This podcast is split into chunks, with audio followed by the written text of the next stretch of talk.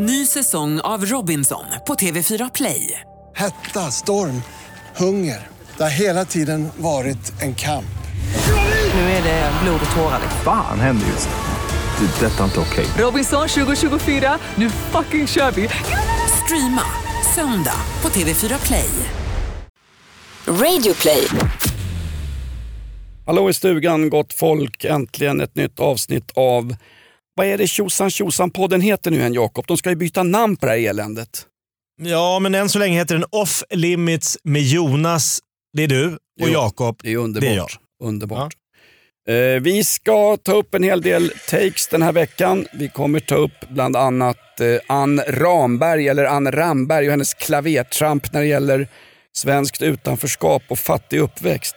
Om man får tro det som har hänt Ann Ramberg i hennes uppväxt på Greven Magnegatan på Östermalm så borde hon gå ut och kasta pol- sten på poliser. Alltså. Hon mår ju dåligt den här kvinnan.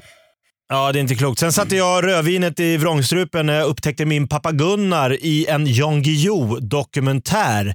Den hånflinande journalisten där Staffan Heimersson breder ut sig och GW Persson också. Det Det blir inte manligare än så. Det är helt bisarrt. Dessutom ska vi hylla faktiskt eh, minnet av historiska personer. Josef Stalin och Karl XII. Nu bak, bakar vi ihop de här som på vilket Miljöpartiet möte som helst. Och sen ska vi hylla tysk fotboll som får tillbaka publiken nu Jakob, eller hur? Visst var det så? Ja, Ja. det blir eh, vad är det, 13 000 pers får gå in nu från och med nästa vecka. Ja, det var inte något, klokt. Det var något försökt. Immer wieder HSV. För Hamburg så är du välkommen till Off Limits. Jag heter Jonas Nilsson. Mig hör du normalt sett i Rockklassikers morgonshow. Eh, Jakob Ökvist vid min sida, min väninna. Ja, minst lika tidigt jag är uppe, men det är Mix Megapols morgonshow. Och eh, vi ska även, det får du inte glömma, Micke Le- Leijnegard. Vi ska vika linnebyxor med honom och ta dem hela vägen till de sörmländska skogarna. Det här Ja. blir fint. Underbart. Välkommen. Vi har gag, vinklingar på saker vi har varit med om och inte varit med om varje vecka. Välkommen till Off Limits. Vi är på en, kör vi. Vi är på en tyst ståplatsläktare på Folkparkstadion Hamburg. Han tyskar är tajta, det här måste vi göra tillsammans. En, två, tre. Nu, Nu kör vi!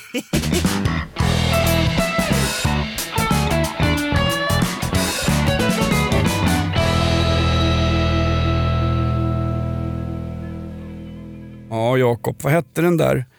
Hette hon Richter, hon den här eh, på Aftonbladet Kultur, hon som skulle recensera en bok som hon inte gillade och så inledde hon recensionen med Det är under min värdighet att recensera detta alster. Jag ska citera henne, eller liksom transitera henne eh, till Uralbergen, men jag skulle också säga det är egentligen under min värdighet att delta i en podd som Off Limits. Ja, det är långt under din värdighet. ja, exakt. Det är minusvärdighet. Nej, men vi kör Jag nog- älskar att recensenter eh, liksom redan måste flagga, så här gigantisk flagga redan i början att det här tar jag fullständigt avstånd ifrån. Ja, nu ska det- vi se, nu får ni höra vad jag tycker om det. Det vittnar ju ganska mycket om att recensenter idag inte recenserar en bok, en film eller en podd utan man recenserar det utifrån den man själv är. Återigen det här totala fixeringen vid egot. Det är ju liksom, det är ju, det är ju som eh, Martin Timell på, på, på Chack eller på Petter, Petter colombiansk näskaffe Norrtuggs gamla cola. Alltså, alla som har varit på en middag med Martin Timell säger att han pratar bara om sig själv. Och ska han prata om någon annan Martin Timell då säger han ungefär Nej men nu pratar jag bara om mig själv igen. Vi kan prata om något annat.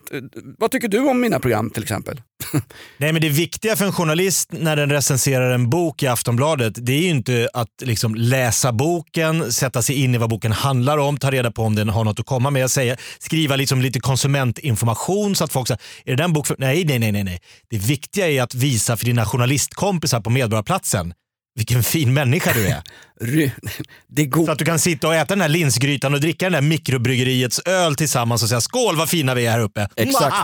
När du överdoserar latten på Nytorget sittandes bredvid Cissi Wallin som eh, fortfarande enligt mig veterligt försörjs av sin man. Eh, denna stridbara suffragett. Hon åkte väl in på, var hon åtalad Cissi Wallin eller vad var det? Hon släppte en bok som hon visste redan innan att den här boken kommer bli åtalad för förtal. Det var något förlag som inte ville ge ut den och då gav hon naturligtvis ut den som det PR-geni hon är. Tänk att kunna lansera en bok oavsett bokrecensenter.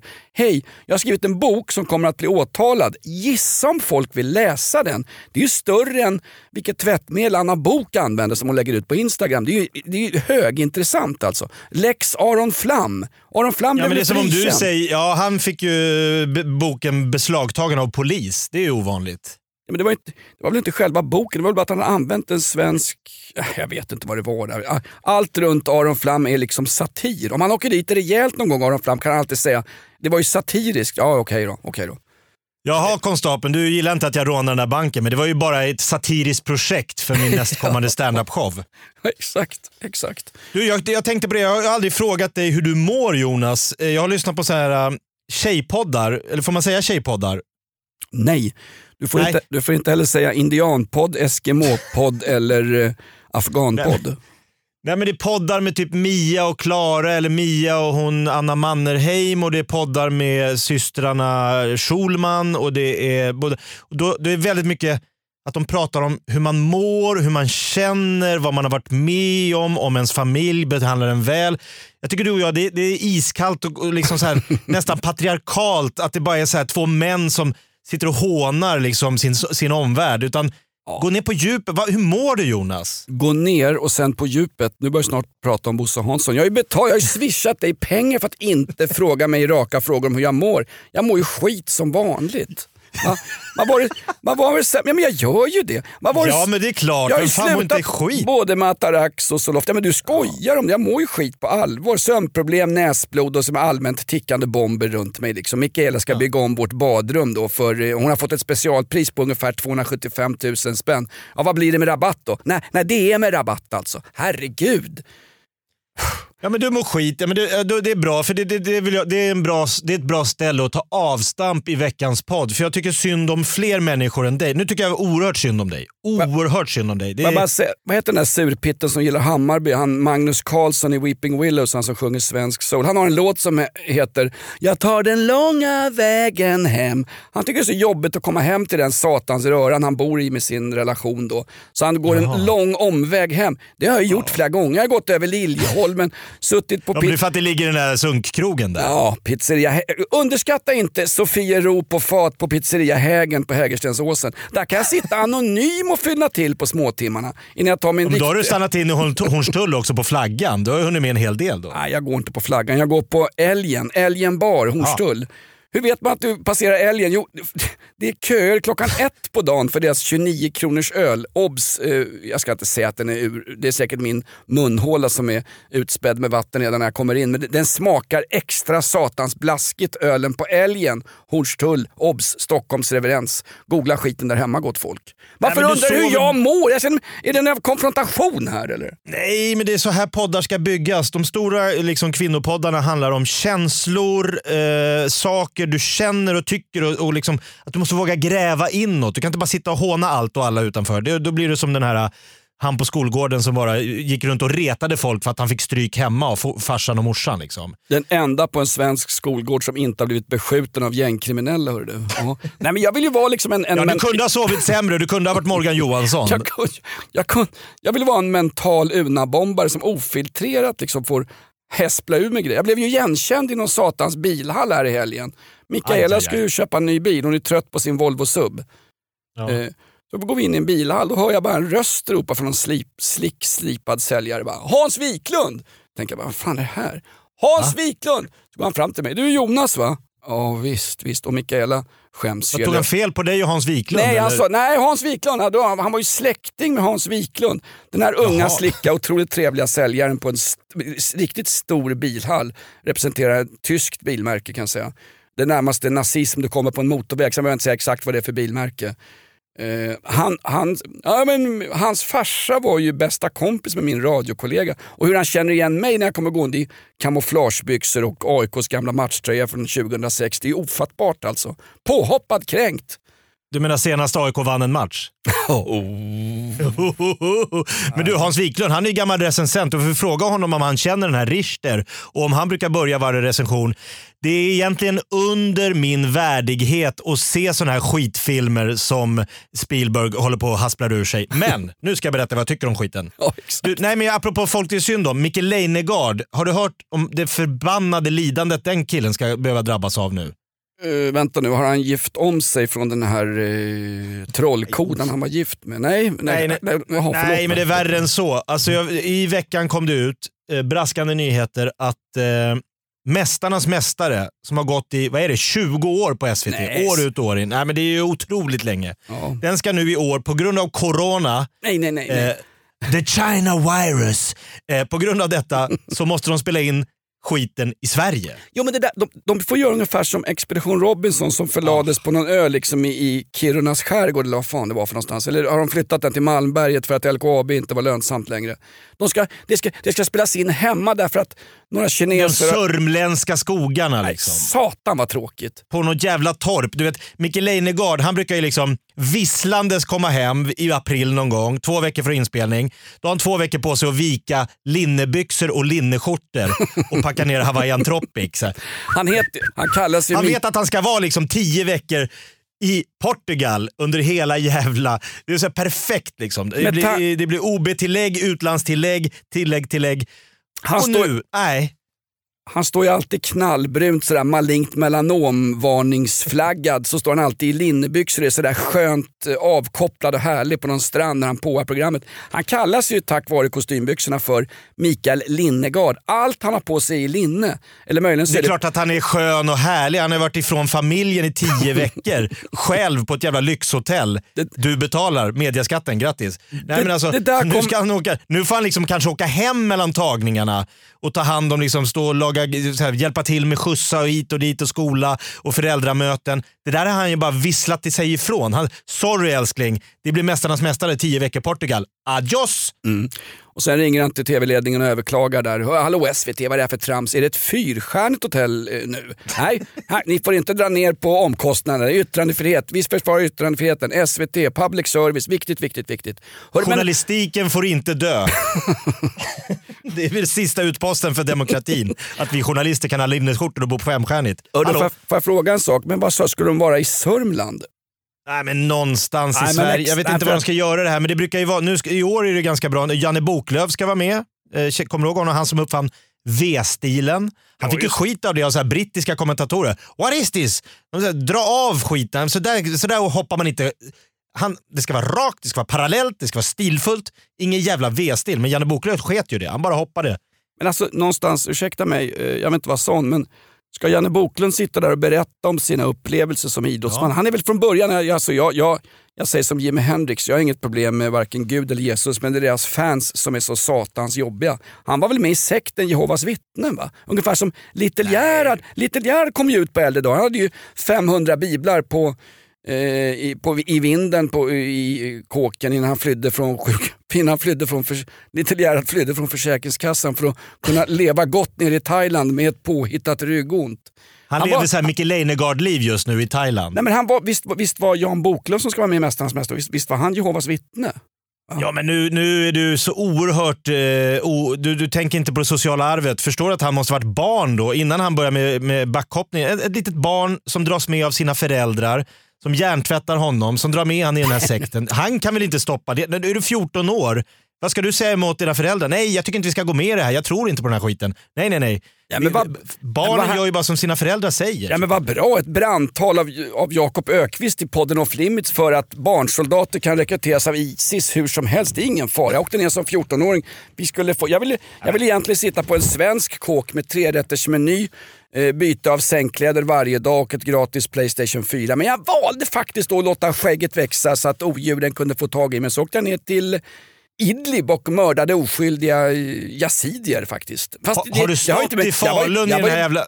jag var ju bara 14 år så det hjälper ju inte. Jakob sa att det gör ingenting för det är ens föräldrar som har hjärntvättat den. Nej men har du stått i Falun i den där 90-metersbacken och kollat ner där? Du ska fan tro på Gud om du ska ge dig ut i ett par skidor stammandes rakt ut och, och liksom flyga 122 meter och landa. Babam!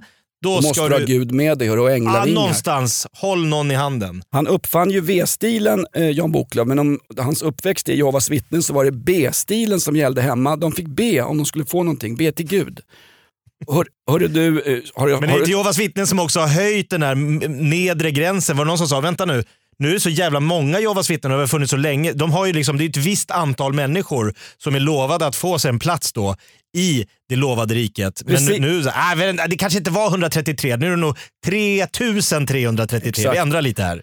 Ett visst antal människor som bara får plats i en organisation. Ja, får, här, här ringer klockorna i, i, i det gamla Berlin igen. Precis det som Allgemeine SS var från början. X, det ska x antal eh, slätrakade blondiner som ska anfalla eh, underslaviska folk. Det är SS, precis samma sak. Det är ju en sekt det också, Jakob. Men, men alltså Jehovas vittnen, det är väl de som går runt och knackar dörr också. Tänk dig Janne Bo- Boklöv kommer 1989. Jaha, jag kommer från...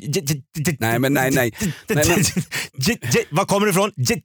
Nej, nej. Du kan- Jag skämtar inte om stam. Jag bara Det säger att det kanske tar lite tid. Du ger, det på, du ger det på en stamanställd och det är inte okej alltså. Eh, Jakob, faktum är, var det inte Rikets sal som är Jehovas vittnes böneslokal? Eller Ja, det är sagt, ja, deras riktiga bönelokal det är ju bankkontot på SE-banken. Men det finns ju Rikets sal, en sån här, där de lurar in massa bonddrängar och pigor och skit i bygden och så får man betala var tionde eller vad det är. Det var ju Rikets sal tror jag faktiskt i Nacka som brann för några år sedan och det var någon polis som skulle vara lite rolig på någon presskonferens. Ja, vi vet inte vad som har gjort det här men som tur är finns det många vittnen. De blev ju, skit, de blev ju skitförbannade på riktigt. Ja, men hur mycket jävla pengar har Jehovas vittnen? Jag, den största lokalen jag har sett är en kritvit tegelbyggnad mitt på Sankt Eriksplan i Stockholm, Rörstrandsgatan. Kanske den dyraste adressen vi har. Nej, men vänta Där nu. bor bara folk som jobbar på Sveriges Radio och Sveriges Television. Det är helt galna priser. Nej, men det är- Där nej. ligger en gigantisk eh, rikets sal. Eller, Där- nå- eller Ja. Philadelphia-kyrkan. Det är en men Jag ork... Jag tar... Bryt mig här! Jag vill ha med i Gry Forssells hästpodd eller något sånt där. Ja, men det kan vara. Men, Du har förmodligen sett en moské betald av saudiarabiska nej, men det var terrorpengar. Philadelphia-kyrkan kom jag på. Men det är, det är fan samma sak. Det är två sidor av samma mynt. Det Philadelphia, är inte. eller... Rikets sal och Philadelphia-kyrkan. Philadelphia Det är ingen jätteskillnad. Nej, okej. vi- ja, Va? bra. Jag säger som pastor Stanley Sjöberg. Om några, Nu år, Pingstkyrkan. exakt, om några år är jag avliden och då får vi se om jag fick evigt liv eller inte. Lång tystnad och sen sa Gary Engman i Kvällsöppet, hur menar du nu? Mm, vi får väl se. Och nu är Stanley Sjöberg död. Jag tror inte på riktigt han kom till något förbannat himlarike och något evigt liv som han satt och skröt om i Kvällsöppet med Gary Engman. Gary Engman ungdomar, googla skiten. Legendarisk svensk, inte bara alkis utan tv-journalist också. Ledde Kvällsöppet innan, alltså när Sivert Öholm gick runt i kortbrallor, då, då ledde Gary Engman Kvällsöppet. Klassisk svensk, eh, bra public service-tv faktiskt. Bättre än Leijnegard, faktiskt. Apropå Sivert Öholm, ja, trummisen i W.A.S.P. har ju gått bort, som också trummade i Quiet Riot. Det Mm, var ju de för bedrövligt. De har mötts uppe på... Sivert Öholm var ju också träffat- frireligiös. Ja, det var han som satan. Mm. De träffades väl, vad var det han sa? W.A.S.P., rockbandet W.A.S.P. Han sa ju det att det betydde, förkortningen betyder We are Satans people. Nej, nej, nej, sa svenska rockfans med Anders Tegner i spetsen, körandes i sin original Amazon. Eh, nej, det betyder inte. Uh, då betyder det White Aryan eh, Supremacy people. Nej, Oj. vad betyder, vad betyder W.A.S.P? Då hade ju Blackie Lawless tagit sig in i debatten och skickat något uh, mail till Anders Tegner. W.A.S.P står för We ain't sure pal. Det är lite kul. De har inte bestämt sig, de bara tog ett coolt namn. Var det inte, fuck, fuck, när, när Sivert Öholm leder ett program så ska de ha ett exempel ur, ur W.A.S.Ps fantastiska vis. Den visskatt W.A.S.P har lämnat efter sig. Och då tänkte tv-ledningen då i, i Sivert Öholms program när han bråkade med Tegner om W.A.S.P eh, och djävulsrocken och att de käkade råa hamburgare på scenen eller vad fan det var. De, som tack och lov käkade de inte fladdermöss i alla fall, då hade det varit corona ännu tidigare.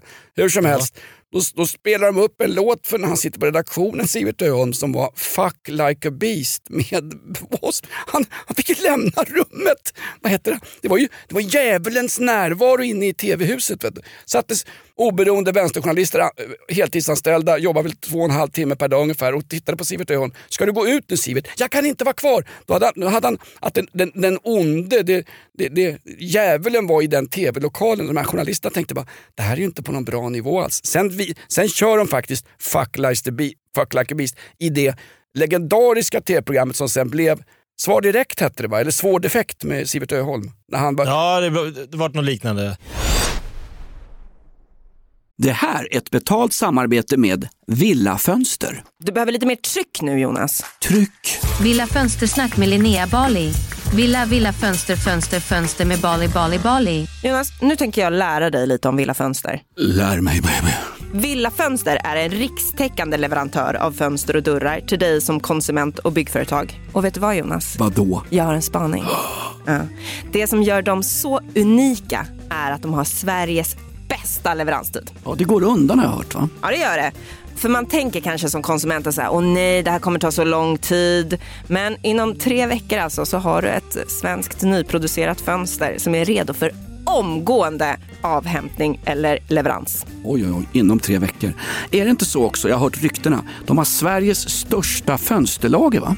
Ja, med 500 olika varianter av fönster. Och eftersom de allra flesta av oss vill ha olika storlekar på fönster så kan Villa Fönster dessutom göra anpassningar såsom spröjs, spaltventil med mera. Oj, oj, oj Linnea, du övertygar här. Du vet inte vad en persedel är för någonting, men spröjs och spaltventiler. Här har jag nästan läst på universitetet om det här. Ja, och är det någon som har koll så är det Villa Fönster. Historisk referens här. Har du? Ja, alltid. Ända sedan 2008 så har Villa Fönster alltid haft visionen att erbjuda kvalitetsprodukter till rätt pris och kortast möjliga leveranstid. Ja, jag är nöjd Med vad då? med vårt Villa Fönstersnack. Villa Fönstersnack med Linnea Bali. Villa, villa, fönster, fönster, fönster med Bali, Bali, Bali. Tack Villa Fönster. Ny säsong av Robinson på TV4 Play. Hetta, storm, hunger. Det har hela tiden varit en kamp. Nu är det blod och tårar. Fan händer just nu. Det. är Detta är inte okej. Robinson 2024, nu fucking kör vi! Streama söndag på TV4 Play. Ett poddtips från Podplay. I podden Något Kaiko garanterar östgötarna Brutti och jag, Davva, dig en stor dos skratt. Där följer jag pladask för köttätandet igen. Man är lite som en jävla vampyr. Man har fått lite blodsmak och då måste man ha mer. Udda spaningar, fängslande anekdoter och en och annan arg rant.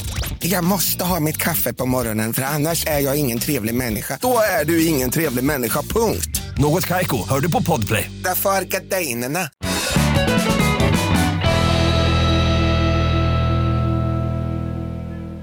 Apropå hädelse som du, har som du har sysslat med nu i 20 minuter. Vadå? Du har ju hädat i och med att du har pratat illa om olika pingströrelser och Philadelphia-kyrkor och Livets Ord. Det är ju en full eh, galen dansk som ska göra någon form av jippo eh, i Malmö. Han har begärt tillstånd att få bränna Koranen, den här Rasmus Paludan. Du, Han är ordförande för Stram, vad heter Stram, det låter också som något frireligiöst. Stram Hörru riktning eller något så här heter hans parti. Fick Du säger- 1,8 procent i danska folketingsvalet här. Eftersom jag, eftersom jag tyvärr har råkat fira en semestervecka på Magaluf med ett antal danskar så kan du inte bara säga en full och galen dansk. För att de enda danskar vi träffade på Magaluf denna magiska vecka 2003 i fyllans tecken på Magaluf var just fulla galna danskar. Vem, vem är vad hette han? Omar Pamuk, det är väl Omar, Turkiets... Pa- nej, Rasmus Paludan. Det låter oerhört danskt. Är han mångkulturell eller? Nej, men han, alltså det här är ju bara en så här, tafflig provokation. Han vill ju bara visa att folk inte klarar av att han står och bränner. Eh, han ska ju åka till Rosengård. Först ville han göra det jag tror han först ville till Rosengård, men nu har han fått eh, några dispenser. De- Det har överklagats och hit och dit. Men vänta nu. Och folk börjar säga så här, men Hallå, vänta lite, hallå. vi hade ju Life of Brian med Monty Python. Det, det här är lite likt ändå det. Ja, jag tycker, att, jag tycker ändå att John Cleese och de hade lite mer verkshöjd än den här fulle dansken som bara ska liksom Vänta nu, eh, för- provocera. Vad säger nu? Först skulle han till Rosengård. Vad hände med öppna era hjärtan, ta emot honom Rosengård? Eller vänta nu, eventet kanske krockade med årets Pride-tåg som väl kanske, nej, det skulle inte i år heller gå genom Rosengård. Det var väl märkligt. Det går i centrala Malmö, ja men då, då, då backar jag på den punkten också. Vad, ska Nej, någon- vad skulle han göra Paludan? Vill, vill, han bara, vill han bara chocka eller?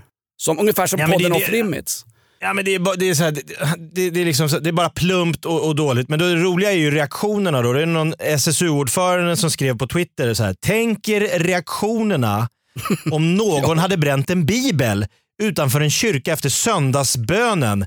Det hade blivit en vrede utan dess like. Nu är det dock tyst när en vidrig islamofob har fått tillstånd att göra exakt samma fast med Koranen.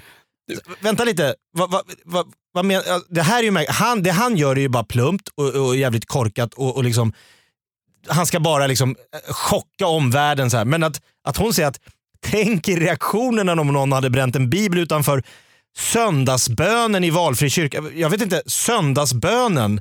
Har du gått förbi en kyrka en söndag? Det är så här, tre tanter mellan 90 och döden som har släpats dit av någon hemtjänst. Och de... Sen, är det någon, sen står det någon präst längst fram som, som tycker det är jobbigt att prata om Jesus i och med att han var man. Alltså det är hela liksom, ja, ja, den här vreden hon pratar om som skulle uppstå om någon brände bibeln. Jag tror folk från kyrkan har kommit ut. Hörru, har du problem med att få eld på den där? Vi har lite teröd här från grillningen. Vi hade barnens bibelstund här förra, förra veckan. Det där är svårt. Jag, jag har tror jag, lite ammoniumnitrat här inne i vår, inne i vår eh, muslimska bönelokal som jag har inrättat i kyrkan eftersom allas lika värde och värdegrundsarbetet gäller. Nej, men, Jo, men det är det som är grejen. Att, det, hela Alltså, hela ens- grejen att han att fyllot där från Danmark ska göra det här, det är att han vet att reaktionerna kommer bli helt galna. Och man vet att skulle man bränna bibeln utanför en söndagsbön i en valfri kyrka i hela landet så skulle reaktionen vara noll. Ja, Det faktiskt. är det som är det han vill bevisa. Det är därför det är så dumt att gå i den fällan. Ja. Men alltså någonstans, eh, religions, religionsfrihet i all ära. Eh, och jag välkomnar naturligtvis, religionsfrihet. Eh, men religionsfrihet är också frihet att slippa religion. Religion i det offentliga rummet. Jag, jag, på riktigt, vad sa jag att de hade? Hade Jehovas vittnen någon stor lokal på, på Sankt Eriksplan i centrala Stockholm? Ja, Ni som bor på landsbygden och lyssnar på podden, googla skiten.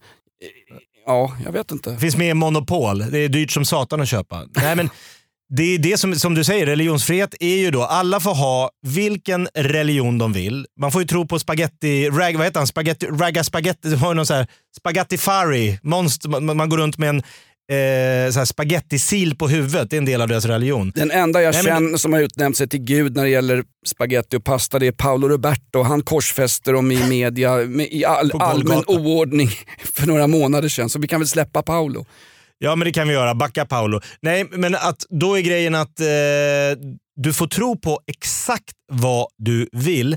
Men du ska inte pådyvla barn i skolan och fram, jag tycker inte heller dina egna barn. Du kan upplysa dem om vilken rel- religion du tillhör. Men det här liksom indoktrinerandet, det är ju, Ja, men, det är ju inte, det är inte religionsfrihet. Nej, nu måste jag backa den här medelklass-sossen Jakob i podden Ja. Off Limits.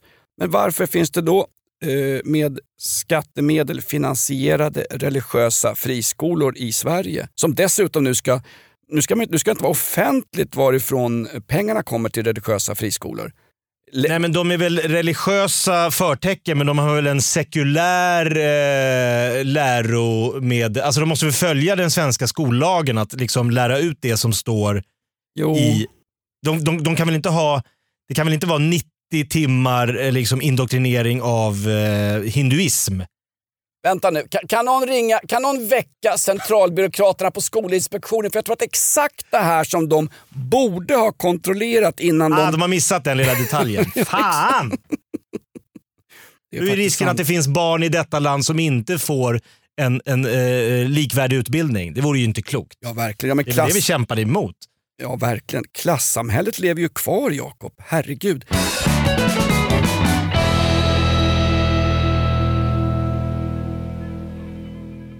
Får jag fråga en sak? Har vi lyckats, har vi stoppat pandemin än? Eh, det har vi inte gjort. Däremot så är det här med munskydd fortfarande under debatt. Okej, då kan du ta dina eh, fulla danskar igen Jakob. Man har ju mun, mun, eh, Sverige är det enda land där man inte har eh, en bestämmelse om munskydd i kollektivtrafiken. I, Ja. I Danmark och i norra Tyskland har ju upptäckts, eller börjat dyka upp det fenomenet att folk har ett munskydd i fickan och när man går ombord på bussen eller lokaltåget då tar man på sig munskydd, håller upp det för munnen, visar sin biljett eller sitt eh, eh, kollektivtrafikkort och så går man in bara. Sen lägger man munskyddet i fickan. Alltså vi kan inte ha diskussion om munskydd eller inte. Det är väl hur man använder det där satans munskyddet. Va? Och i vilka sammanhang? Ja men på riktigt, jag, jag, fatt, jag fattar absolut ingenting. Eh, jag tänkte, nej, men du, du tänker på pandemin, corona, jag tänker på den andra pandemin. Eh, gängskjutningar Jakob, för det är en riktig pandemi. De sköt ju en kille i veckan här eh, som, hade jobb, som jobbade med avprogrammering. Det var en avhoppare från någon sån här satans patrulltjottas dödsligan eller vad fan det heter. Alltså sluta. Är inte det typiskt att just den som hoppar av, han skjuts? Vilken han som vill vända om andra och ge dem en andra chans. Vilken underbar signalpolitik det blir för Morgan Johansson som har sagt att ja, det är de flesta, de flesta som ingår i såna här miljöer, det är de som blir, eh, kan bli drabbade av det här våldet. Nu var det en kille som faktiskt hade hoppat av. Hur många gängkriminella unga ungdomar då som inte ännu har hunnit eh, skjutas av dagar på trottoar och torg. Hur många av dem tänker nu, jag tror jag ska hoppa av och jobba med avprogrammering av gängkriminella. Nähä, inte Nej. det. För de sköt en på Lidingö och som vanligt så säger polisen efteråt Polisen, eh, vi är mycket förtegna om det som har hänt. När polisen säger vi är mycket förtegna om det som har hänt, då har de ingen satans aning om vem det är som håller på. Nu är det ju de här Shottaz och Dödspatrull, det är ju en tredje fraktion som någon har tagit in utifrån för att begå de här Är hämndmorden. det de här Black Axe som Nej, är väl- huserade i Göteborg? Nej. Är inte det brasilianskt naturkött? Va? Black X, eller vad heter det? Det är väl något sånt där. Det är någon Ja, na naturbeteskött från Pam- Pamplona i Argentina kanske. Ja. Exakt. Påsatt och Nej, klart det var av den gamla upplägg. Det var de som eh, bland Påsatt annat och klart av gamla snusgubben Evert Taube. Carmencita sprang med fnask och klarar sig och får en staty mitt i stan. Carmencita, det är ju, det är ju ett luder. Han är väl inte bättre än Paolo Roberto, den gamla snusgubben Evert Taube. Tur att hans son Sven-Bert är snart är blind så han slipper se sitt faders arv. Det är ju inte klokt. Flickan i Havanna, hon har inga pengar kvar men det har ju jag. Så det blir till att åka. Ja, nej, det, var ju, nej, det är en kulturskatt. Jag kan säga så han red inte bara åsnor ute på Pampas, vet du, han red ju lokalbefolkning också mot kontant betalning. Alltså sitt, sitt inte på Gyllene Freden, Taube-sällskapet och, och hylla honom. En horbock som red runt och luktade illa, kom hem, bankade på tanten tills han blev trött i armen, lex Örjan Ramberg och sen skrev han visor och fick stå på Gröna Lund scen på halvfyran och sjunga, sjunga peruken av, av Sveriges samlade gamla kärringar som på den tiden faktiskt kunde köpa hans vinylplattor och stenkaka. Det- det- Ja, men Jonas, det, du, det var en annan tid. Du måste sätta allting i kontext. Exakt, det var en annan tid. Hörru du, eh, nej men det var så kul, jag skulle se, på tal om det där gängmordet, jag skulle titta på SVT Aktuellt samma kväll om liksom hur utredningen går. Det är ganska allvarligt att de, att de skjuter människor på gator och torg. Liksom. Det, Tycker du? Jag vill, jag vill bara... Jag vill bara Du tycker alltså inte att Nej, jag- eh, det jag- känns som att justitieministern har läget under kontroll när det skjuts varannan dag i det här landet. Dras ju- och att tredje part nu också blir drabbat i flera fall. Ja exakt. Nej, men så satt jag och tittade på Aktuellt just Nej, den, samma kväll liksom, som det här mo- mordet skedde på Lidingö. Och den kvällen i Aktuellt, det var, en, det var en notisnyhet där som hade hänt. bla bla bla. Det var ingen stor grej. Det viktiga den kvällen det var en 15 minuters långt satans inslag i studion om faran i trafiken med såna här elskotrar som folk åker runt med och hyr via sin mobil. Det, var, ska vi till... Det är den stora Ska vi eh, tillåta- sam, Ja, samtida ska vi- problematiken. Ja, visst, bara, bara dra ner den skygglappen så ser vi inte de riktiga problemen. Det är ungefär som, så här, ska, vi ha, ska vi tillåta 6 kilometers fart i tätort eller 7 kilometer? Då har de en, en jordskoförsedd pansarluggsforskare i studion som är en sån här rättslig expert på trafikfrågor på, från Trafikverket. Hon stod och orerade i fem minuter om någonting som är bara 6 eller 7 kilometer i timmen. Vem bryr sig? De har just Men stod inte, satt inte du i soffan och tänkte Ja men satt inte du i soffan och tänkte gud vad skönt, det kan ju inte ha hänt något idag. Det är ju bara elskoterdebatt. Det här måste ju vara den bästa dagen på... Oj nej jävlar, här kom det. Nej. Man sk- ihjälskjuter med automatvapen på Lidingöbron. Nej, jag. Jag satt inte i soffan. Jag, jag halvlåg i soffan och onanerade tafatt eftersom Mikaela jobbar kvällar numera. Det är också, en- det är också för att jag mår illa. Mikaela börjar jobba kvällar. Det är inte klokt. Jaha, så ni, ni matchar inte varandra? inte, har vi aldrig gjort. Vi har aldrig gjort det. I och med A perfect match, no match. exakt, A perfect match made in heaven. Nej, men du pratar om religion Jakob. Det Jimi Hendrix en gång sa? Eh, Jag har inget problem med Jesus eller Gud. Det är, det, är, det är deras fans som är så förbannat jobbiga. Och vad var det mer de sa om religion? En religion, religion är som ett könsorgan. Var stolt över ditt eget men peta den inte i ansiktet och påtvinga den inte på andra människor. Det är ju sant. Om, om religion var en privatsak på riktigt så hade vi inte haft några religionskrig, eller hur? Det var ju exakt det jag försökte komma fram till Ja. eh, när jag sa det här med sekulära skolor. Att oavsett vad du går i för skola, vad förtecknen är, så måste du få exakt samma typ av utbildning. Jo, men det var en Dina annan... föräldrar, dina lärare och dina rektorer ska inte trycka ner några liksom, eh, specialkunskaper i ditt... I, i, i, precis som de är genier med Hemrix. Mm. Jag kommer ihåg eh, under min skolgång så hade vi en eh, klart vänsterorienterad, han är död så jag kan väl nämna hans namn, Fernström. Klart vänsterorienterad geografilärare på högstadiet som alltid pratade väl om Sovjet som det var på den tiden. Och det var, han hade varit utomlands och åkt i fantastiska ryska jeepar som kunde besegra de högsta av bergstoppar och sånt där. Så skulle vi läsa om, skulle vi läsa om Storbritannien eh, och då eh, då, då kör han den där låten som faktiskt blev aktuell i veckan också, Jakob. Du vet den där. Han, vi, vi spelar en stor, så skulle jag spela en, en brittisk låt, så, så, så kör den här. Rule Britannia, Britannia rules the waves. Britons never, never, never shall be slaves. Vilken äck. Så säger han efteråt, vilken äcklig låt va? Vadå, vadå sa Klabbe som var Föräldrarna var bägge aktiva inom Moderaterna. Svinrika såklart. Vadå, vad, vadå äcklig låt? Ja men vadå? England och Storbritannien som har förslavat mängder av olika folk ute i världen sjunger att Detta de... In... kolonialrike. Eh, ja, exakt. De sjunger här om att de inte vill bli slavar. När ska de inte? Men de, de får minsann förslava andra. Och då säger Klabbe, fantastiskt bra, jo fast det handlar inte om det numera den här låten. Den är visserligen från 1700-talet men den handlar om att eh, eh, Britannien ska regera över sin egen framtid. Och Den här låten blev ju väldigt populär eh, när Storbritannien hotades att bli förslavade av nazister med en korrupt mustaschprydd liten korporal i täten, det vill säga 1940 när tyskarna försöker invadera Storbritannien, slaget om Ja, London. det är inte så att Storbritannien aldrig har utsatts för några yttre hot. Nej men exakt! Det var då, det var, vi vill inte bli förslavade av i det fallet nazister. Fär, Fernström bara, jaha, okej.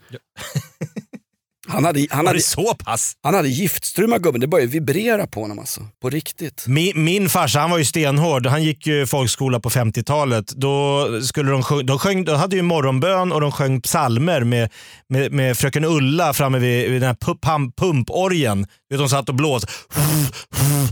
Och sen Gud hör bön. Och så, Gunnar han vägrade sjunga med.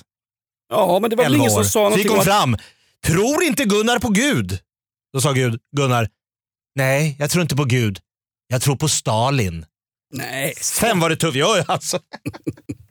11-åriga Gunnar, bolsjeviken. Jag tror inte på Gud, jag tror på Stalin.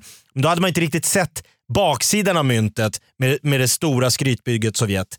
Det är lätt att vara efterklok Jonas. Jo, jo det, Jakob, för att citera min vän Jakob i podden Off Limits. Det var en, annan, det var en annan tid. Ja, det annan var tid. verk- Vet du vad? 1950-tal. På riktigt, jag ska inte vara sån hördu, när de kör in nervgift i, i tekoppen eh, på, på, på den här oppositionsledaren och han forslas med eh, militär... Ilfart till Berlin. Ja, typ, alltså, att, att ryssarna ens går med på det. Putin har kört in eh, plutonium i något te som han dricker av och sen så ringer tyskarna till sjukhuset han ligger. Hörru, kan vi få undersöka honom istället för jag litar inte på er. Ja, det går väl bra. Hur tänkte ryssarna där? Va? Hur? Nej, jag, jag, jag tror att de tänkte det spelar ingen roll. De har gjort det här inför öppen ridå. Det låg ju, Varenda ryss som har flytt till England har ju, har ju dött på mystiska omständigheter. Det har Exakt. alltid varit ryska säkerhetspersonal i omlopp på övervakningskameror Mm. nej. Så de vill ju att folk ska veta. Tycker du inte som Putin, då ligger du jävligt risigt till. Just det, det är, det är snacka om signalpolitik. Alltså. Det är sånt som Morgan Johansson vill ha till de gängkriminella men han lyckas ju inte riktigt med det faktiskt, våran älskade. Men var det inte Göran Persson som sa att den som talar illa om Sverige utomlands ska brännmärkas för livet? Det är samma retorik. Nej, det var, väl, det var väl Johannes Paulus som sa det i gamla testamentet tror jag. Något sånt. Nej, det, det här var han som bestämmer. HSB från Katrineholm. Ja, men det var- Som numera bor i Sörmland och har ett stort jävla... Alltså, Enda snacka gången, överklass. enda gången som en svensk inrikesminister på riktigt nästan har varit i problemområdet Rinkeby där de flesta, där flesta människor känner sig otrygga. Eh, Ja. Det var väl när det kom ett norskt tv-team och skulle filma hur det verkligen var i Rinkeby på kvällarna under några kravaller. Då dyker en inrikesminister upp och säger ni ska inte ge någon nidbild av Sverige här. Vadå? Jävla norrmän! Hur fan har ni det i Oslo? Hur går det för Norrtugg? Geitost och fiskebollar. Har du hört? Eh, Norrtugg ska ju lansera colombianskt näskaffe nu. Har du sett den lilla filmen han sitter och flinar? Ja, men när, när, och, det, och det råkar droppa vitt pulver ur näsan. Hallå, det kan vara snö. Han är ju skidlöpare trots allt. Det kan vara snö. Det kan vara Kalle, Kalle Halvarsson som sprätte upp lite snö, absolut. Jag ska inte döma någon osedd. För att bara återgå till din farsa Gunnar som jag saknar oerhört och det är frid över hans minne. Alltså säga vad du vill om Putin och Sovjetunionen, öst ramlar ihop och väst och bla bla bla och corona och eh, toppa det med Gustaf Fridolin och skatt på plastpåsar i Sverige. Men faktum är, en fattig pensionär i Ryssland, han skiter väl i att han har demokratiska alternativ och någon slags officiellt i alla fall, demokratiskt land. En, en rysk fattigpensionär var ju förbanne mig lyckligare på riktigt under Josef Stalin, den georgiska lilla musen som faktiskt fortfarande står staty i Tbilisi i Georgien. Nu sitter jag och hyllar Stalin. Alltså, Ja, men, det, här, det är du och bryt Gunnar. mig Men alltså- här! Bryt mig här! Men vem var det som sa först kommer mat, sen kommer moral? Det Exakt. var någon vis man som sa.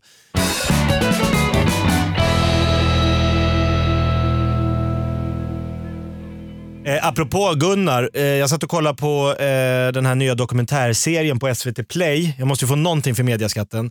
Då var det den, den hånflinande journalisten heter den här nya, eller den, den överlägsna, eller den, den, det handlar om Jan Guillou. Ja exakt, det, det där måste man ju nästan se alltså. Va? Ja men det är ju Eh, helt otroligt. De har Jan- följt honom i flera år och så Jan intervjuar de ju Peter Bratt och Leif GW Persson. Vad- Hur är han egentligen? Ja, det är ett riktigt jävla svin sitter alla och säger. Det finns Peter bara- Bratt har ju inte förlåtit Jan Guillou sedan 80-talet när han läckte någon källa han hade liksom, eh, fått reda på i, i Geijeraffären. Han bara, jag hatar honom fortfarande. Nej, han, är inte var- slä, han är liksom fast i det fördolda, den stackars Peter Bratt alltså. Det var tyvärr... Guillou sket ju fullständigt i honom. Det var en annan tid Jakob. Nej, men jag vill inte, jag ska inte, det- han var inte inblandad i luderbankaren och justitieministern. Eh, Peter Bratt ju. nej, men, Det var det, han som var, avslöjade för DN. ja, men det var inte Geijeraffären, det var IB-affären, informationsbyrån. Jo, nej, Bratt var med i polis. Geijeraffären också. Det var hans nästa stora scoop. Jaha. DN fick ju gå ut och be om ursäkt för att Geijers eh, källa eh, ångrade sig och ändrade sig. Det var ett jävla pådrag. Men nej, men det roliga är då, då ska eh, Jan, Guillou när han kommer ut från fängelset efter IB, då ska han starta en tidning som ska störta liksom, omvärlden. Han har blivit marxist och eh, via FNL-rörelsen eh, sett ljuset, att den stora satan i USA och så. Ska starta en tidning som heter Folket i bild. Då går Rapport ut på stan 1969 och ställer folk, frågor till vanligt folk. Skulle du kunna läsa en tidning som handlar om det här och det här och det här? Så sitter jag och kollar så här. Vad i hela jävla helvete? Farsan i målarkläder Nej, med sin polare Lacke blir intervjuad Vi fem på stan som i Aftonbladet. Skulle, ja, det skulle vara kul att läsa. Fan, en sån tidning kanske man kan läsa. Du vet farsan, 1969, jag har inte sett rörliga bilder på farsan. Det var ju bara du vet, stillbilder från när, vi, Det när jag växte upp i, i Viksjö. Det finns ju gamla- tidigt 70-tal. Det finns ju gamla amatörporrfilmer på Super 8 med din farsa. Men, men de går Ja all- men de går är ju så av. jävla... Är, de är svindyra. Det är någon samlare i Danmark som har dem. Nej, de, de är i en Men lägenhet... surka på sen kan man... De Med målaren kommer alltid med penseln i högsta hugg. De ligger i en lägenhet i Solna, det står Hansson på dörren kan jag säga. Men förstår du, jag har aldrig hört, ingen aning. Helt plötsligt står farsan och blir intervjuad av någon jävla så här bara stå uppa på stan. Någon som stoppar tre målare som kommer gåendes där mitt nere vid, vid Klara-kvarteren. Ja, men upptäcker, du, 27 år. upptäcker du din pappa i en dokumentär som finns på SVT? Om Jan Guillou. Allting hänger ihop. Cirkeln är sluten. Men vad är oddsen? Så jävla Cir- märkligt. cirkeln slut som en anusöppning sista kvällen på Pridefestivalen. Exakt så. Pridefestivalen ska ju tv-sändas nästa år. Vet du var den ska visas? Nej. I tvåan. Nej men, jag måste ju, vad, vad heter den här, det måste jag ju titta på. Den hånflinande journalisten, eller den, den, den, den pompösa, den sista reportern. Nej, men, det- Lagens, den- ma, mannen, mannen som kunde tala med flanellskjorta. Lagens långa arm fast lagens kortaste arm. Det finns ju Tyrannosaurus rex som har längre armar än Jan Guillou. Titta på hans armar någon gång. Han har ju, han har ju någon slags, de är jättekorta hans armar. Det är it, Sjö, skönast är Staffan Heimersson som sitter och skryter om att det var han som upptäckte Guillou och det var jag som tog han under mina vingar och hjälpte honom. Sitter han på tändstopet med en stor jävla eh, Guinness-öl som blir bara... För varje klipp som går så är den mer och mer tom. Jag vet inte hur många han sänkte innan det var klart. Heimersson, 84 bast. Heimersson i ett alkoholsammanhang. Nej, nej, nej, nu, nu, det, det kan jag inte tro. Jag- Svensk manlig journalist i ett alkoholsammanhang. Vad är det som händer? Nej, när Staffan Heimersson, gamla Aftonbladet-korren, när han sitter upp och dricker, får man säga, det är väldigt länge sedan, han brukar ligga ner och dricka. Men faktum är, det var en annan tid. Det var en annan Ja, tid. där har du i alla fall en snubbe som har gjort, han har varit runt många krigshärdar. Han har stått liksom på Eh, det är ingen jävla Leijnegard som viker ihop några linneskjortor och åker ner och kollar när, när, när svenska kändissportprofiler ska stapla burkar på varandra på en jävla strand i Portugal. Det här är en kille som har stått i krig. Ja, jo men absolut. Jag har, det handlar om djupaste respekt. Men även om man är framgångsrik, man behöver inte bli dryg för det. Jan Guillou kanske är den främste... Nej, men, Jan Guillou Det drygaste vi har. Nej men Mourinho, Mourinho var världens bästa fotbollstränare. Men han är, han är liksom Rickard Norling, lite grann passerad av sin egen tid. Fotbollen utvecklas, man måste följa med den utvecklingen. Men när Mourinho var som allra, allra bäst, kan inte han bara vara bäst och vara trevlig? Måste han vara så förbannat oförskämd? Det är ju Jan Guillou. Jan Guillou är en mardröm att intervjua för vilken sketen socialdemokratisk oberoende public service-journalist som helst. Han ska ju mopsa alla. Han har ju, Jo, men han, man tänker ju att han är, han är dryg för att han har gjort så mycket bra saker. Men så ser man ju klippbilder från honom. Till exempel när han kommer ut från IB. Han är, han är valpe, han är ung, men han är fortfarande dryg. Jag gillar det. Ja. Då st- står den här journalisten Åke Wilhelmsson, kommer du ihåg den jäveln? Som hade sånt i livet med Stig H. Järrel eller vad fan. Åke Wilhelmsson. Jaha, hur klarade du tiden i, i isoleringscell Jan Guillou? Två saker fick mig att överleva. onanera. Ett, litteratur. Två, masturbation. Ja, jag vet. Det där, det är Journalisten, oh, så han håller på att ramla baklänges. På en jävla så här, stu, 68 liksom. Det är helt jävla absurt. Exakt. Och hans masturbation är ju en så att säga förstahandsuppgift med betoningen på första hand. Han berättade om det. Han ville ju Och chocka fan några ner med sina armar. Det är ju också det. Men... Det var ju Åke, var det Åke Will, är det så satans gammalt? Alltså, Åke Wilhelmsson, han, han, han inledde sin journalistiska bana ungefär när Gud sprang runt i kortbyxor. Så, så länge har Åke Wilhelmsson tyvärr drabbat svensk journalistik. Sen Idag- snodde han idag sitter Karin han- Storåker från någon jävla eh, norsk eh, spion.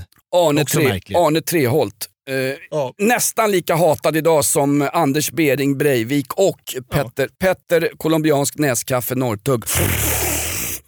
Den heliga trion. Ja, verkligen. Hör du, men uh, idag kan man för, för övrigt se uh, ur citera mig inte på den här källan, men jag har en kompis som bor centralt i Stockholm och på det sämsta av sunkhak på Roslagsgatan eh, så kan man idag se Åke Wilhelmsson sitta och tömma skvalpig bärs. Det är inte en sekund, det är inte en Ah, sekund tråkigt. bättre än att jag ramlar in i snedgådda foppatofflor och mysbyxor och tar en eftermiddagsöl på älgen alldeles, alldeles jävla ensam i mitt torftiga liv. Åke Wilhelmsson dök upp. Men sätt och snacka med Åke Wilhelmsson. Säg det. Fan, vad, vad sa du där när han började prata onani Jan Guillou? Du- Var, var, du- var du inte, blev du inte förbannad? Vad du än säger till Åke Wilhelmsson så säger han bara, sånt är livet. Så är det. på, tal, på tal om förflutet, eh, jag vet att jag är trea på bollen men jag håller ju nu på AIK fotboll och det har inte gått speciellt bra för oss faktiskt. Eh, an, an, an, alla har ett mellanår, så är det bara. Tjena, jag har haft 40 mellanår, när kommer mitt riktiga år? Eh, jag, väntar lika länge som man väntar under en fem minuters intervju med tidigare nämnda Jan Boklöv, nu aktuell för Festarnas festare. Förlåt mig, Mästarnas mästare. Nej men Ann Ramberg-grejen hörru Jakob. Vi måste ju prata Ja, om den läste här... du den? Advok- ju- läste, jag har ju Vilket hört. jävla påstå. Nej, men Det var Åsa Linderborg som gjorde ett eh, djuplodat hemma hos-reportage hos, hos Advokatsamfundets tidigare ordförande. Men stopp, nej men Jakob. Nu pissar du på hennes minne. Hon är före detta generalsekreterare i Sveriges advokatsamfund. Ja, förlåt. förlåt, förlåt. Jag kan tänka mig när hon öppnar dörren till sin exklusiva Östermalmsvåning så ser hon den här stataflickan Åsa Linderborg som liksom, ja, per definition faktiskt fick eh, Stadsteaterns Benny Fredriksson att hänga sig efter sina skriverier om metoo-skandalen. Hon utnämnde honom till Josef Stalin som jag tidigare hyllat i den här podden. Hon kallar honom för en Stalin och han plågar ju folk. Och hon har ju bett om ursäkt Åsa Linderborg. Hon över... Ja, men det är en plump i protokollet. Men det var en annan tid. Plump i protokollet! Det är en kropp som hänger från en taknock i Australien. Stackars ja, det är Benny. inte klokt. På riktigt. Ja, det är bedrövligt. Först, först behöver vara gift med den här... Men inte hon enkom, det var ett helt jävla drev. Hon vet. började kanske nysta i det Ja, först. fast hon är ju den enda Åsa Linderborg som har sagt att jag gick alldeles för långt i, i mina skriverier om... Ja, men det är väl, det är väl fint att någon Jo. kan se att Ja, det är fint. jag följde drevet. Stackars Benny Fredriksson. Först behöva stå ut och vara gift med självcentrerade uh, Ann-Louise von Otter. Alltså har, det finns en sak i världens, två saker då, Jan Guillou såklart. en sak som, det finns bara en sak som är mer självcentrerad än eh, Ann-Sofie von Otter, Benny Fredrikssons eh, före detta fru. Och det är ju min tvättmaskin hemma i Aspudden. Där har du en Ja, men vad fan. Alltså grejen är, du börjar prata om Ann Ramberg, men alltså det är klart att hon öppnar upp hemmet när en journalist, alltså de, här människorna de lever ju på uppmärksamhetstörst och narcissism. Jo men fast någonstans, hon, hon, när, en, när en advokat eh, som har sagt så mycket märkligt, hon tyckte det är märkligt att ett av Sveriges riksdagspartier, demokratiskt vald i demokratisk god ordning eh, eh, enligt nationalstatens principer. Hon tyckte det var märkligt att ett av riksdagens partier fick sitta med som nämndemän i svenska domstolar. Alltså, att, och, och, sen, och, och då satt hon som generalsekreterare i Advokatsamfundet. Bara säga en sån sak, det är ju rättsvidrigt så att lås in tanten bredvid någon gängkriminell på riktigt. Och sen, hon sa väl mer också, hon kallar ju Hanif Bali för brunhög. Brunrotta. Brunråtta eller brunhöger tror jag det var. Nej, det var... Nej, brunrotta alltså. Nej men brunråtta kallar de mig för jag är aik va? Eller åtminstone råtta. Nej men hon sa, har ju sagt allt med, så fort hon ger sig ut i, Ann- eh, i verkligheten, Ann Ramberg, så blir det bara konstigt. Hon har alltså växt upp på Grev Magnigatan och när Lindeborg började prata om det gamla klassamhället som vi, som vi då försökte lämna innan de här klassklyftorna och politiseringen bara ökar.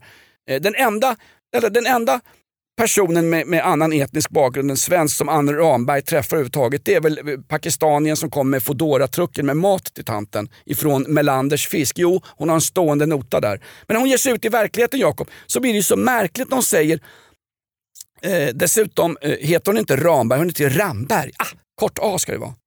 Ja, såklart. Ja. Det är ståndsmässigt. Nej, men hon, hon berättade att en kommendörskapten tjänade inte så jävla fett. Så att det var bara oxfilé på söndagar och då var den finsk. Ja, men så här, min mamma hade det verkligen inte alldeles eh, så rikt där hemma. Pappa var bortrest i långa st- stycken. Han var kommendörkapten och marinattaché karln. Eh, ma mamma, ibland fick hon gå till NK när hon inte hade pengar till spårvagnen. Vilket Ja, nej, oerhört mänskligt lidande. Hör du. Ja, nej, det är inte okej. Säg det till en vanlig jobbare i Rosengård eller i Biskopsgården eller i Rinkeby. Va? I och för sig, där plankar de ju på tunnelbana och, och bussar och lokaltåg och pågatåg och allt vad det är. Men, men, De tar- tar sig fram. Nej men det var ju tuffa tider. Alltså, allting är ju relativt Jonas, det är det du, inte fattar. Hon jämfördes ju med de ännu rikare nere på Strandvägen. Hon bodde ju på en sidogata till Strandvägen så det var ju liksom inte alls lika flott. ja, okej då. Det var väl så. Och, och, se mamma gå de 150 metrarna till NK som en liten stackars flicka när pappa är ute på de blå haven. Eh, alltså det är, all, jag bara säger så här, allting är relativt. I hennes värld var det en bedrövlig barndom. Ja, mina tankar går direkt när Ramberg uttalar sig om liksom sin, sin jobbiga uppväxt och sånt där. Hade inte råd att köpa Mantovani-skor etc. Bla, bla, bla, liksom. Jag- själv, gick jag på, själv gick jag på Oscarias second hand-avdelning när jag köpte dojor när jag var liten. Om man nu hade några skor. Man sprang med många, många somrar barfota när man var på sommarläger hos Bosse Hansson. Hur Ja, men du, när, jag- blev, när pappa tänk- fick påökt fick väl du gå på Gulins och köpa en t-shirt? Pappa fick ju betalt i bröd och smörkuponger när han började jobba. fira det genom att ge mig en smäll på käften när han kom hem och någon har varit dum mot honom på jobbet. Där har du, där har du min, mina, mitt erbarmliga liv. Nej, men jag, jag tänker på, det är Pippi Långstrump. Hen, Ann Ramberg för mig det är liksom Ja, Pippi väntar Långstrump. efter kommendörskapten där. Jag hemma Bo, på, på, bor ja. nästan ensam hemma, mamman jobbade långa timmar. Bor nästan ensam hemma då i Ville Villekulla på, i det här fallet Grev Magnigatan och, och drömmer om sin pappa, sjökaptenen eller sjörövarkaptenen. Ja. Fabbe, sjörövar-Fabbe Ramberg, vad han hette. Eh, det är precis samma sak. För när hon säger märkliga saker, hon har ju också kallat Israel, Israel för en apartheidstat. Alltså det är så förbannat satans ord. Nu får jag Palestina-sjalar efter mig. Fair enough. Jan Guillou kommer ringa efter det här direkt. Be era böner men ge mig mer ammunition för den skyttegraven släpper jag förbanne mig aldrig. Israel är trots allt, hon kallar det för ett apartheidland. Israel är ett demokratiskt land där du kan välja bort de som styr. Du har allmän rösträtt för alla medborgare och dessutom så värnar man som enda land i Mellanöstern över de homosexuellas rättigheter, vilket jag tycker på riktigt är förbannat viktigt. Att kalla Israel för ett apartheidland, det är... Ja, men det är väl också, det får man ändå lägga in som en liten inom parentes, det är ju enda demokratin i hela Mellanöstern. Ja, faktiskt. Sen Den ska enda demokratin i hela Mellanöstern. Ja, men det- borde man kunna nämna. Men Ann Ramberg, jag tycker hon skulle hålla ett sommarprat och hon säger “Jag har bott på Strandvägen, jag har sett det svenska klassamhället, jag hatar det”. Det gör hon ju inte. Hon hatar Jag vet inte vad hon gör. hon hatar det är inte självförakt. hon hatar inte när hon, när hon fakturerar 1800 spänn för advokathjälp till folk som överklagar eh, asylbeslut i Sverige. 1800 spänn i timmen. Tack för kaffet. Då skänker jag hellre pengarna till Jehovas vittnen på riktigt. Nej, men jag tror hon har, ja, men det där handlar om att hon har dåligt samvete. Hörde du inte storyn i hennes sommarprat för, när hon berättade att de hade bjudit hem, hon dejtade en libanes. Jag, jag dejtade en libanesisk man eh, och mamma ville sätta honom på prov. Så då hade de bjudit hem den här libanesen som var någon diplomatson. Hur gammal och han var tio år äldre. Hon är gammal. Ann Ramberg var 16-17 här så tyckte de vad fan ska det hon upp en 28-årig libanes? det, Nej, här det är här alltså, det här är alltså före andra världskrigets utbrott. Det är någon gång sent 30-tal alltså. Då gillrade Ann, Ram, Ann Rambergs Ann Ramberg. Eh, mamma en fälla. Hon hade nämligen dukat med fem olika bestick för att se om den här gossen var eh, värdig sin dotter Ann. Men han förstod inte alls vilken liksom, gaffel och vilken kniv som skulle vara till vilken rätt. Så att det, var liksom, det blev pannkaka av alltihop. Så jag tror hon någonstans har lite dåligt samvete för den, liksom, den lilla rasistiska fälla som hennes mamma gillrade åt den här stackars libanesen. Okej. Nu ger hon tillbaks. Hon har ett stort bultande hjärta. Vad hände med libanesen? Blev han möjligen hemforslad till Beirut och blev ansvarig för ammoniumnitratlagret nere i hamnen? Hörru, det har varit väldigt få attacker från både Hamas och Hizbollah. Kan det vara så som de initierade? Lagret är slut. BBC hade ju en poäng om att det var Israel som låg bakom sprängningen för där förvar i, i det här, det här ja, gödselförrådet som då ryssarna råkade ut för och blev beskyllda för. Där skulle det ha varit eh, Hizbollah Hamas vapenförråd som sen då skulle distribueras runt om i den här fantastiska sjön vi kallar Medelhavet där det simmar runt folk på, eh, i gummiflottar som, som eh, inte klarar livhanken ens. Kan De hade varit? hittat underjordiska gångar också under själva liksom, den där spränganordningen. Oj, här går det gångar åt alla möjliga håll. Vad är det här för virrvarv? Inte klokt. Skicka ner kommendörskapten Ramberg för han reda ut. Sjörövar-Fabbe. Hej och hå och- Eller Hamilton, Jan Guillous superhjälte. Hej och ja, nej, Hej och hå och en flaska med rom sjöng Pippi, men hej och hå och en eh, flaska Chablis sjöng de, familjen Ramberg. Varför säger vi Ramberg och inte Ramberg? Jo, därför att nu ska ni lyssna gott folk som lyssnar på den här, som står ut med den här satans depraverade podden som innehåller både allt från Jan Boklöv till Jan Eh, Guillou. Du, jag lyssnar hellre en timme på Jan Boklöv än att lyssna på Jan Guillou i en timme. Va? Eh, Nej, men Verkligen. varför, Varför säger heter vi... det Ramberg? Ja, hon, alltså, svenska sossejournalister kunde ju inte ens tolka det. Hon vill ju vara överklass. Jag vet inte exakt om hon är det, men överklassen av hävd så ska man ju uttala om den andra bokstaven är vokal efter kort konsonant så ska det uttalas med kort A. Som i adelsnamnen Gedda, De la Gardi, Wallenberg, Ah. Wallenstein, Kurk, Posse, eh, Tenne, Ramberg. Alltså långt A som andra bokstav långt A, då är du inte överklass. Hon hänger i Riddarhuset, det är det det handlar om. Det gör hon förbanne mig inte. Hon, häng, vet du vad? Hon har en vapensköld. Hon hänger från en taknock när vi gör revolution i det här landet, men det får man inte säga ens i... Eh, hon de, de har ingen sköld i Riddarhuset, glöm det. Nej, okej. Det Men adeln är ju avskaffad i det här landet. Det är folket, ett folk, en röst, ett land, en nation, under flaggan, under Gud. Nej. Något sånt. Jag kan inte den där Vi sista. har inte avskaffat eh, adeln, vi har en ny adel, det politiska etablissemanget. Va? Där har du uh, knapadel och grejer. Du förresten, på Du, tal det där, det där, så där kan du sitta på flaggan och, och dra för, för dina polare där efter några Arboga 7,3. Det enda jag drar på flaggan det är mitt eget kön innan jag blir utslängd av Janos i baren. Jag sitter inte på flaggan. Jag har, jag, jag har gått upp, jag är också överklass. Jag sitter på, på restaurang Älgen, Hornstull, Långholmsgatan. Anrikt ställe. Nej, men, på tal om knapadel, Där du har krita va? du pratar om det politiska etablissemanget. De har ju tagit sig in nu på Sveriges Radio. Jag måste bara få spela upp det för Ja. dig Jakob. Jag satt och Jaså? lyssnade på Sveriges Radio för att få se hur mycket man får av mediaskatten.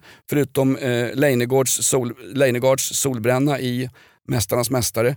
Satt och Ja, lyssnade är på en, en dokumentär om en svensk historisk person vid namn Karl den XII. Och tänker jaha nu är det.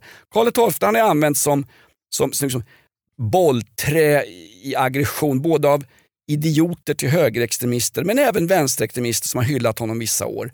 Men, men när Sveriges Radios programledare pratar så här om den historiska personen Karl XII som absolut inte var någon krigarkung. Han, Han utförde möjligen krig, men det var försvarskrig till syvende och sist. Han försvarade den, den stormakt som hans pappa Karl XI och hans farfar Karl X hade byggt upp. Ja, det var väl hans jobb kanske som svensk konung? han föds in i en krigsmaskin. Vad, vad, vad satan ska han göra?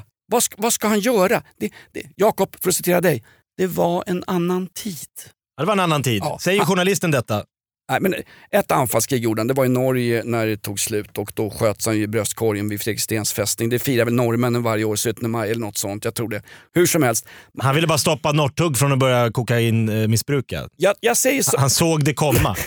jag säger som Jan Malmsjö när han fick reda på att Mikael Persbrandt hade bland kartongerna och eh, perukerna i klädförrådet på Dramaten satt på unga teaterpraktikanter. Då sa Jan Malmsjö, ah, det, nej, men så här, det, är, det är skitigt! Det är, det är skitigt! Jag, jag kan, Smuts! Skit!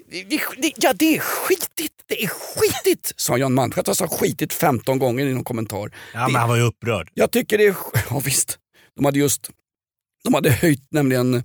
Eh, de hade höjt ölpriset på... Eh, vad heter stället? All- Höjt priset på, på oxfilé på eh, Nej, saluhallen, nej, Östermalmshallen. Ox, oxfilé, jag tror inte Jan Malmsjö äter ens längre. Den är, den är, den är kulturell Nej. gigant. Bygga upp en... Snurra min jord heter väl, det är väl Jan Malmsjös... Eh, vad heter stället? Har, sitter varenda... Alla utom Örjan Ramberg är välkomna till det här stället. Vad sitter bakom Dramaten? En restaurang. Det är Ja, tre... Loppes, Jeppes, Teppes, eh, Kellys... Nej, Kellys. Jag säger Jan Guillou på Kellys på eh, Folkungagatan på Södermalm. Nej, nej, men det ligger någon jävla... Jag, jag vet exakt vad du menar, men det är ingen annan jävel som vet. Ni får googla skiten.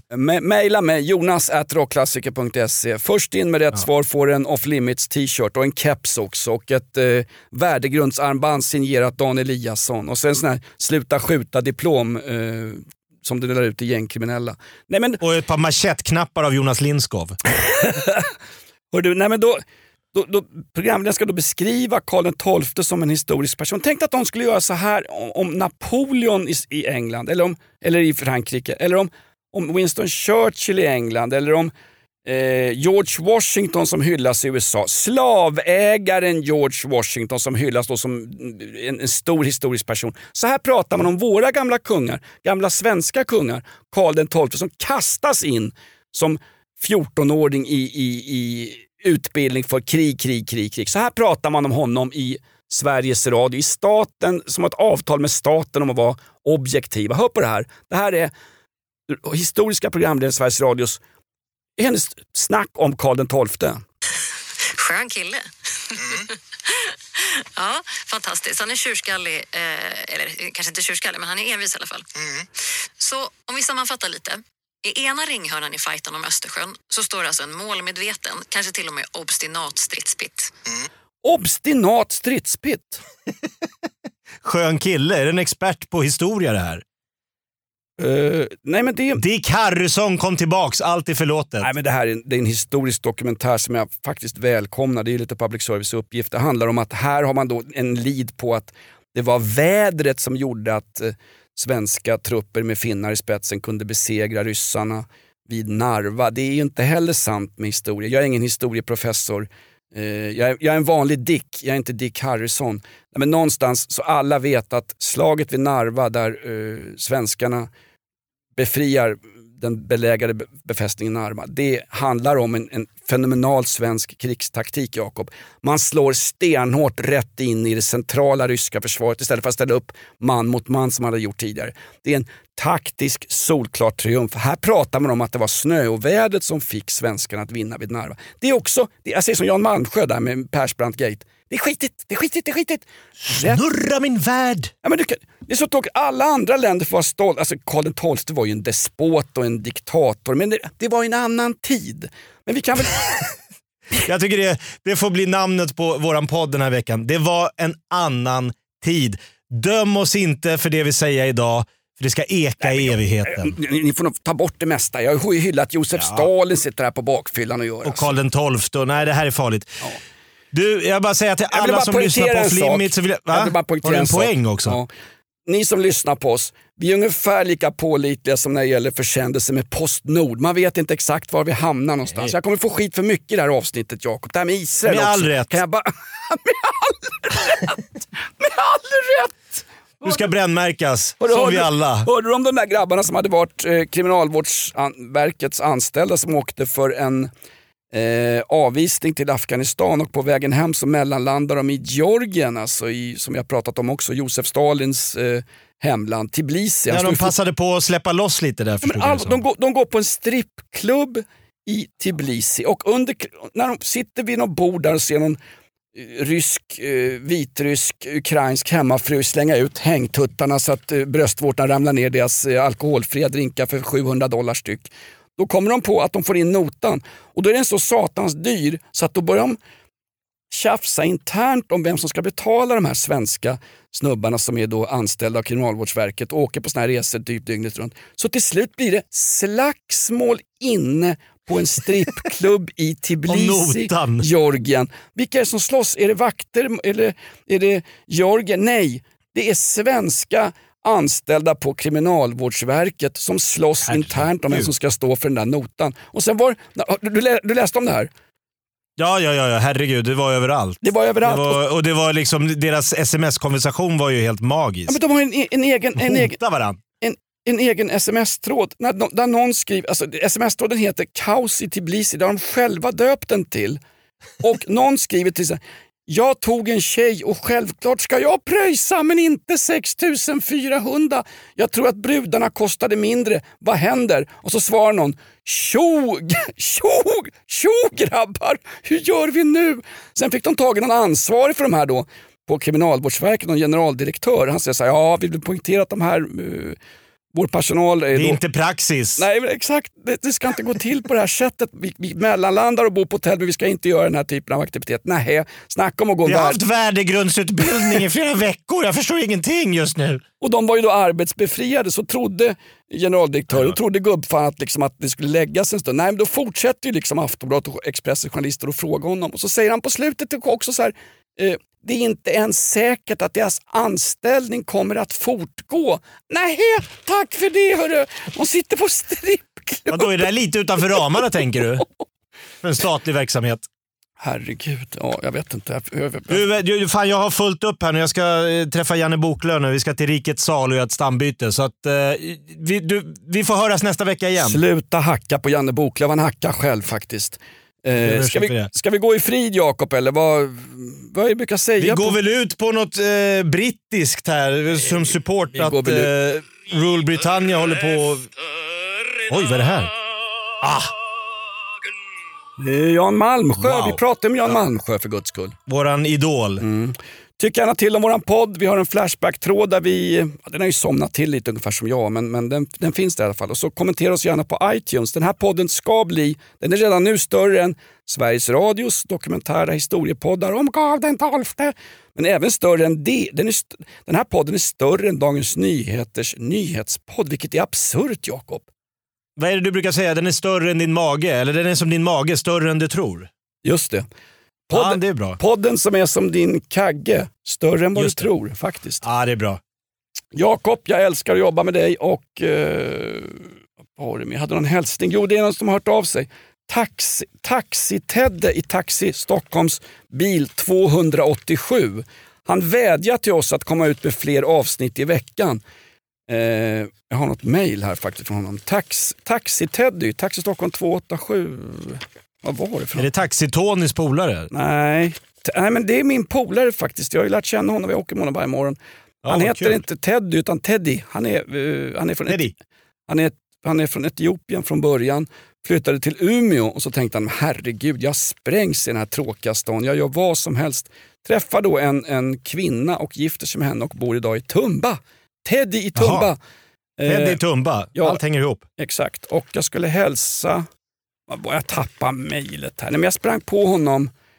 Ja, men du har ju hälsat. Du har nämnt var han bor och hela hans uppväxt och var han kommer ifrån, ursprung och vem han har gift sig med.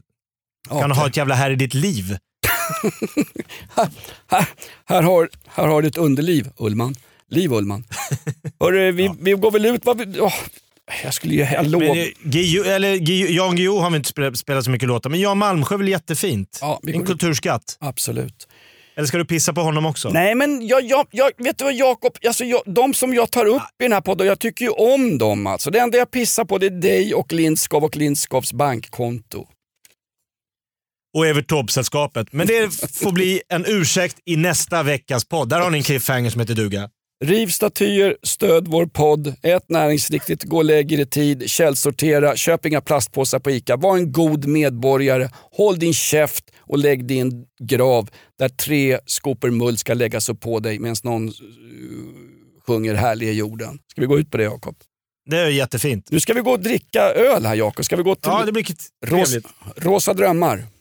Ja, Reklam. Stig, vad heter han? Stig... Alltså du måste veta, en av Sveriges fem... Alltså, Stig Engström jag på att säga, men det är en skådis. Stig, Larsson, för Stig helvete. Larsson. In- Skål! inte Millennium Lars utan Stig Larsson som har skrivit Autisterna och Nyår. Det främsta som har skrivits inom svensk litteratur. Googla skiten där hemma gott folk. Tack för att du lyssnar på Off Limits. Vi hörs nästa vecka. Hej då! Ny säsong av Robinson på TV4 Play. Hetta, storm, hunger. Det har hela tiden varit en kamp. Nu är det blod och tårar. Fan händer just nu. Det. är Detta är inte okej. Robinson 2024, nu fucking kör vi! Streama söndag på TV4 Play.